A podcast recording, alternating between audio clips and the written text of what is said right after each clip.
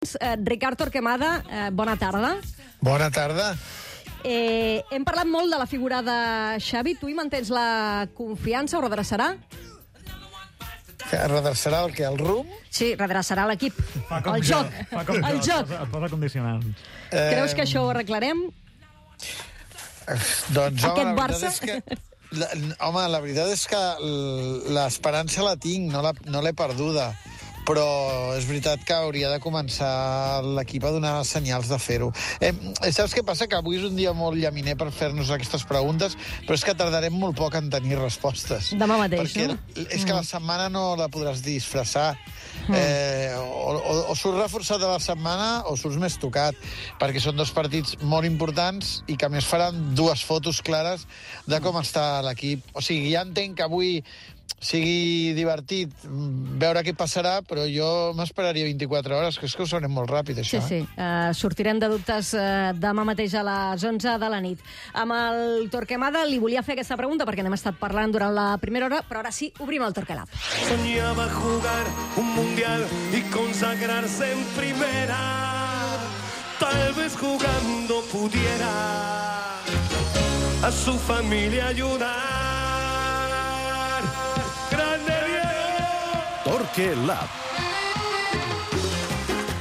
I com que ens hem centrat força en la figura de Xavi, ara toca centrar-nos més en el joc eh, blaugrana i per posar-ho en context vull saludar la Ruth. Hola, bona tarda, Ruth. Hola, bona tarda. Perquè t'has estat mirant les xifres ofensives eh, del Barça en els últims quatre partits, eh? Sí, a partir del partit de la Reial Societat hem eh, mirat dades i les hem comparat també amb xifres del Madrid, del Girona i de l'Atlètic de Madrid, que són els tres equips que van per davant a la classificació respecte al Barça. Pel que fa a xuts a porteria, eh, el Barça va fer quatre xuts entre els tres pals el dia de la Reial Societat, contra el Shakhtar només un, contra l'Alavés 5 i contra el Rayo 4, és a dir, que són 14 xuts entre tres pals, una mitjana de 3,5 per partit. Si comparem aquests xuts entre els tres pals amb la resta d'aquests tres equips, doncs eh, la mitjana, evidentment, és molt més alta. L'Atlètic de Madrid té una mitjana de 7 xuts entre els tres pals per partit, recordem el Barça té 3,5,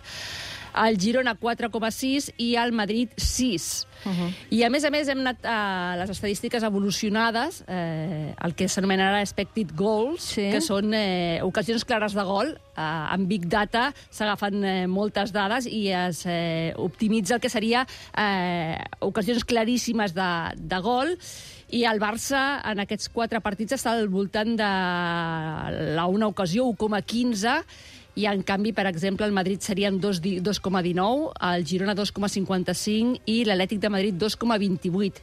És a dir, que es disparen respecte a les ocasions clares de gol que ha fet el Barça en aquests quatre partits. Uh -huh. eh, doncs eh, són eh, estadístiques eh, prou clares les que presenta la Ruth. Eh, Torque, per què no Sí. genera prou joc ofensiu al Barça? perquè eh, o sigui, són, les dades són bastant, tal com les presenta la Ruth, són bastant cl clarificadores i jo, jo crec que mm, diríem que subratllen les sensacions que hem tingut mm. durant aquests dies. Eh, Els últims 4 o 5 partits del Barça, des del el Clàssic, la veritat és que jo no recordo una fase de temporada eh, on al Barça li costi tant generar eh, joc d'atac, com dius, de produir eh, accions eh, de gol, perquè és que no és que s'hagin callat amb la rematada, si és que la rematada ha perdut en alguns partits per salvar alguns punts, perquè l'equip no, no ha creat joc. Jo crec que, en general, és la relació amb la pilota en totes les fases del joc, perquè és que d'aquests partits n'hi ha hagut alguns on has tingut moltes dificultats per sortir al darrere, per exemple el de la Real Societat. D'altres per fer fluir la pilota, la primera part contra l'Alavés. D'altres com el de Vallecas, on a la primera part surts bé, però no ets capaç d'accelerar, de trobar profunditat, et falta l'últim terç de camp. Eh, en general, la sensació és que el Barça, quan té la pilota, eh, està com desordenat. Hi ha jugadors que tenen per mi massa llibertat, eh, no s'ocupen bé els espais, les alçades. Hi ha jugadors que tenen aquesta possibilitat de moure's per un espai molt ampli i això obliga que tot l'equip s'ha d'adaptar a tots aquests moviments individuals per, per repartir els espais, eh, per tenir les distàncies justes per una relació.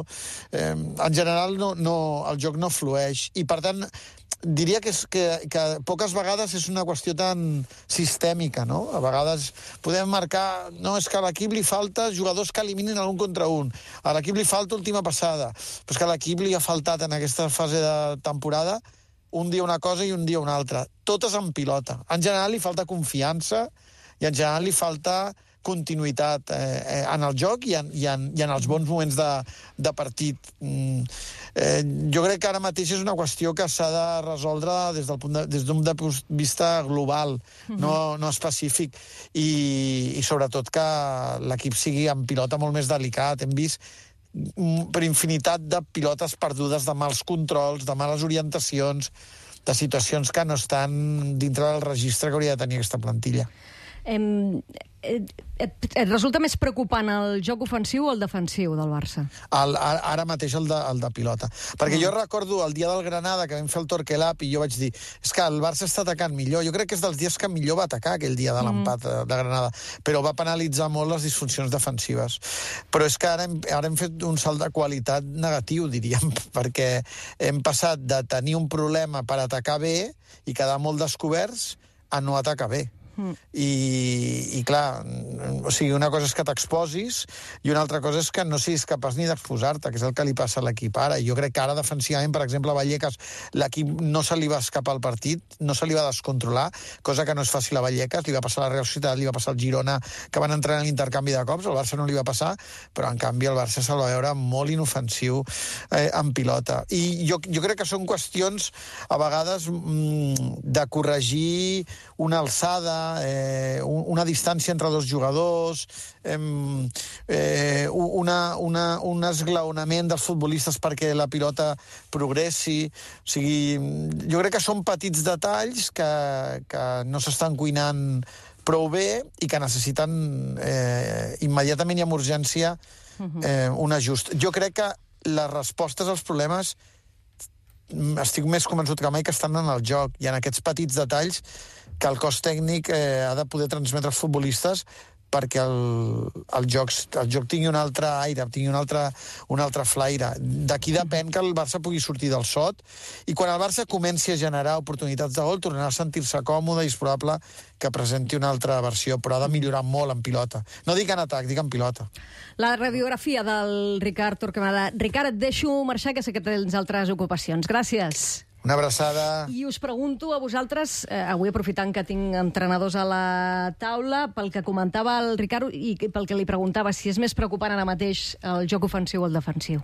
Per mi l'ofensiu. Crec que s'està basant molt en la Yamal només, en què crec que no s'acaba de trobar situacions d'avantatge a molts jugadors, aquelles situacions on abans trobaves en, en Pedri molt més entre línies, que et permetia, permetia fer aquestes últimes passades, no ho estàs trobant, estàs molt poc fluid, eh, la posició de Cancelo també a vegades amb Grinyola, si va dintre quan hi ha d'anar-hi o quan s'ha de quedar fora, quan està fora hi ha d'anar dins. O sigui, jo crec que aquí hi ha moltes situacions on, on el Barça ha de trobar millora.